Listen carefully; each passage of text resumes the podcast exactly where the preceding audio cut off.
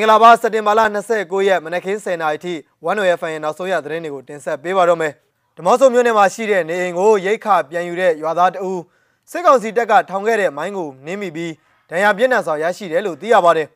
။ KNU တပ်မ9နယ်မြေဘူးတို့မြို့နယ်မှာစစ်ကောင်စီတပ်နဲ့ KNL တို့တိုက်ပွဲဖြစ်ပွားပြီးစစ်ကောင်စီဘက်ကတအူးသေဆုံးပြီး3ဦးဒဏ်ရာရရှိတယ်လို့သိရပါတယ်။ကချင်ပြည်နယ်မှာတော့စစ်ကောင်စီတပ်ဖွဲ့ဝင်တွေက ပြည်သူ့နှုတ်ကိုအကြောင်းမဲ့ပြစ်ခတ်လိုက်ပါတယ်ဒီသတင်းတွေနဲ့ဒူဒီကနေ့မနက်ပိုင်း10:00နာရီထိနောက်ဆုံးရရှိတဲ့သတင်းတွေကိုတင်ဆက်ပေးမှာပါခင်ဗျာပထမဆုံးအနေနဲ့တင်ဆက်ပေးခြင်းတဲ့သတင်းတစ်ပုဒ်ကတော့ဓမ္မဆုံမြို့နယ်အတွင်းမှာရှိတဲ့စစ်ရှောင်ပြည်သူတို့ဟာရိတ်ခပြန်ယူဖို့တေးစုလဲကျေးရွာမှာရှိတဲ့နေအိမ်ကိုပြန်လာတဲ့အချိန်အကြမ်းဖက်စစ်ကောင်စီတပ်ဖွဲ့ဝင်တွေထောင်ခဲ့တဲ့မိုင်းကိုနင်းမိပြီးပြင်းထန်စွာဒဏ်ရာရရှိသွားတဲ့အကြောင်းသတင်းရရှိပါတယ်။ ဒေစုလဲကျေးရွာပြည်သူတို့ရိတ်ခပြန်ယူဖို့အိမ်အပြန်မှာအကြမ်းဖက်စစ်ကောင်စီတပ်တွေထောင်ထားခဲ့တဲ့မိုင်းကိုနင်းမိတာကြောင့်ဒဏ်ရာပြင်းပြင်းထန်ထန်ရရှိတာဖြစ်ပြီးတော့စစ်ဘေးကြောင့်ပြည်သူတွေနယ်မြေရှင်းလင်းနေဆဲကာလမှာပြန်လာခြင်းမပြုကြဖို့အသိပေးကြောင်းဓမ္မဆုမြို့နယ်ပြည်သူ့ကာကွယ်ရေးတပ်ဖွဲ့ထံကသိရပါတယ်စက်တင်ဘာလ26ရက်နေ့မှာဂျမတ်စစ်ကောင်စီတပ်တွေဟာဓမ္မဆုမြို့နယ်ကုန်းသာသေးစုလဲကြောက်ဆယ်ကန်ကျေးရွာတွေကနေပြန်လည်ဆုတ်ခွာတဲ့အချိန်အများပြည်သူနေအိမ်တွေကိုမီးရှို့ဖျက်ဆီးသွားသလို မိုင်းတွေလည်းထောင်ထားခဲ့တာဖြစ်ပါတယ်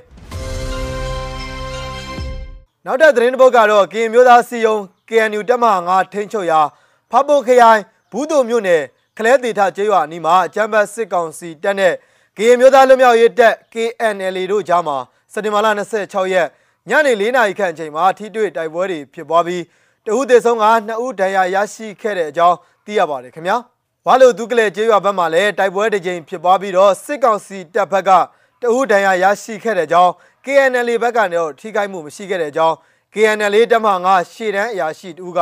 ရန်ကုန်ခေတ်သစ်သတင်းဌာနကိုပြောပြချက်ရသိရပါတယ်။ဘာပုံခရိုင်မြောက်ဘက်မှာရှိတဲ့ဒွယ်လုံးမြို့နယ်အတွင်းအများပြည်သူတွေနေထိုင်ရာကျေးရွာတွေအတွင်းကိုအကြမ်းဖက်စစ်ကောင်စီစကခရှစ်ခမရ400ခွန်ကနေဗိုလ်ကြီးကျော်မင်းထက်ဦးဆောင်တဲ့စစ်ကောင်စီတပ်ကလက်နက်ကြီးလက်နက်ငယ်တွေနဲ့အကြိမ်ကြိမ်များစွာပစ်ခတ်ခဲ့ကြောင်းလဲ သိရပါတယ်ခင်ဗျာစက်တင်ဘာလ29ရက်နေ့ကလည်းစကခ8ခမရ408တရင်ကဒွယ်လုံးမြို့နယ်အတွင်းကိုလက်နက်ကြီးတွေနဲ့ပစ်ခတ်ခဲ့ပြီးထီပေါ်ပရဲကျေးရွာအတွင်းကိုလက်နက်ကြီး9လုံးနဲ့လော့ထကျေးရွာအတွင်းကိုတလုံးကြားရောက်ပောက်ခွဲခဲ့တဲ့ကြောင်းအဲ့ဒီအရာရှိကဆက်ပြီးတော့ပြောပါတယ်ခင်ဗျာကချင်ပြည်နယ်ဘက်မှာတော့ဖားကန်မြို့နယ်လဝါကျေးရွာမှာစက်တင်ဘာလ28ရက်နေ့ညနေ3နာရီအချိန်လောက်က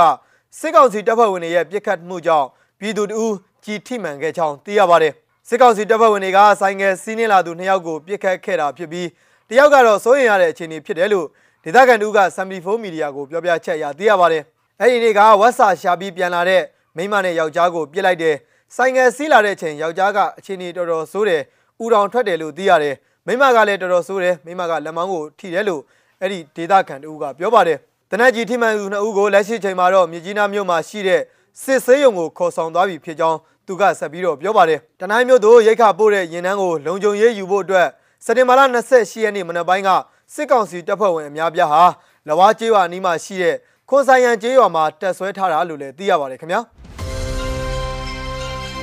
ဒီကနေ့မနက်ပိုင်းရဲ့နောက်ဆုံးသတင်းတစ်ပုဒ်အနေနဲ့ဆီယနာရှင်စန့်ကျင်ဖြုတ်ချရေးဒဇယ်မြို့နယ်ကတပိတ်စစ်ကြောင်းတစ်ခုကိုလည်းဖွင့်ပြပေးခြင်းပါတယ်ခင်ဗျာ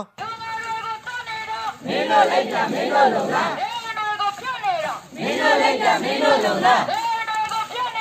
မင်းတို့လည်းကြမင်းတို့လုံလားတက်ချစရရှိတဲ့ခါတောင်းရလို့လာမပြောနဲ့တက်ချစရရှိတဲ့ခါတောင်းရလို့လာမပြောနဲ့ဘယ်ဟာနဲ့နောင်းလိုက်မလားဘယ်ဟာနဲ့နောင်းလိုက်မလားနောက်ဆုံးရတဲ့ပြင်စင်မဘယ်တဘယ်မောင်မောင်ဘယ်တဘယ်မောင်မောင်ဆရာဆရာပြပြပြပြအောင်ရမည်အောင်ရမည်အောင်ရမည်အောင်ရမည်ပြည်သူတွေကနိုင်ရမှာပဲအာနာရှင်စနစ်ဘုရားကျမ်းတော်များ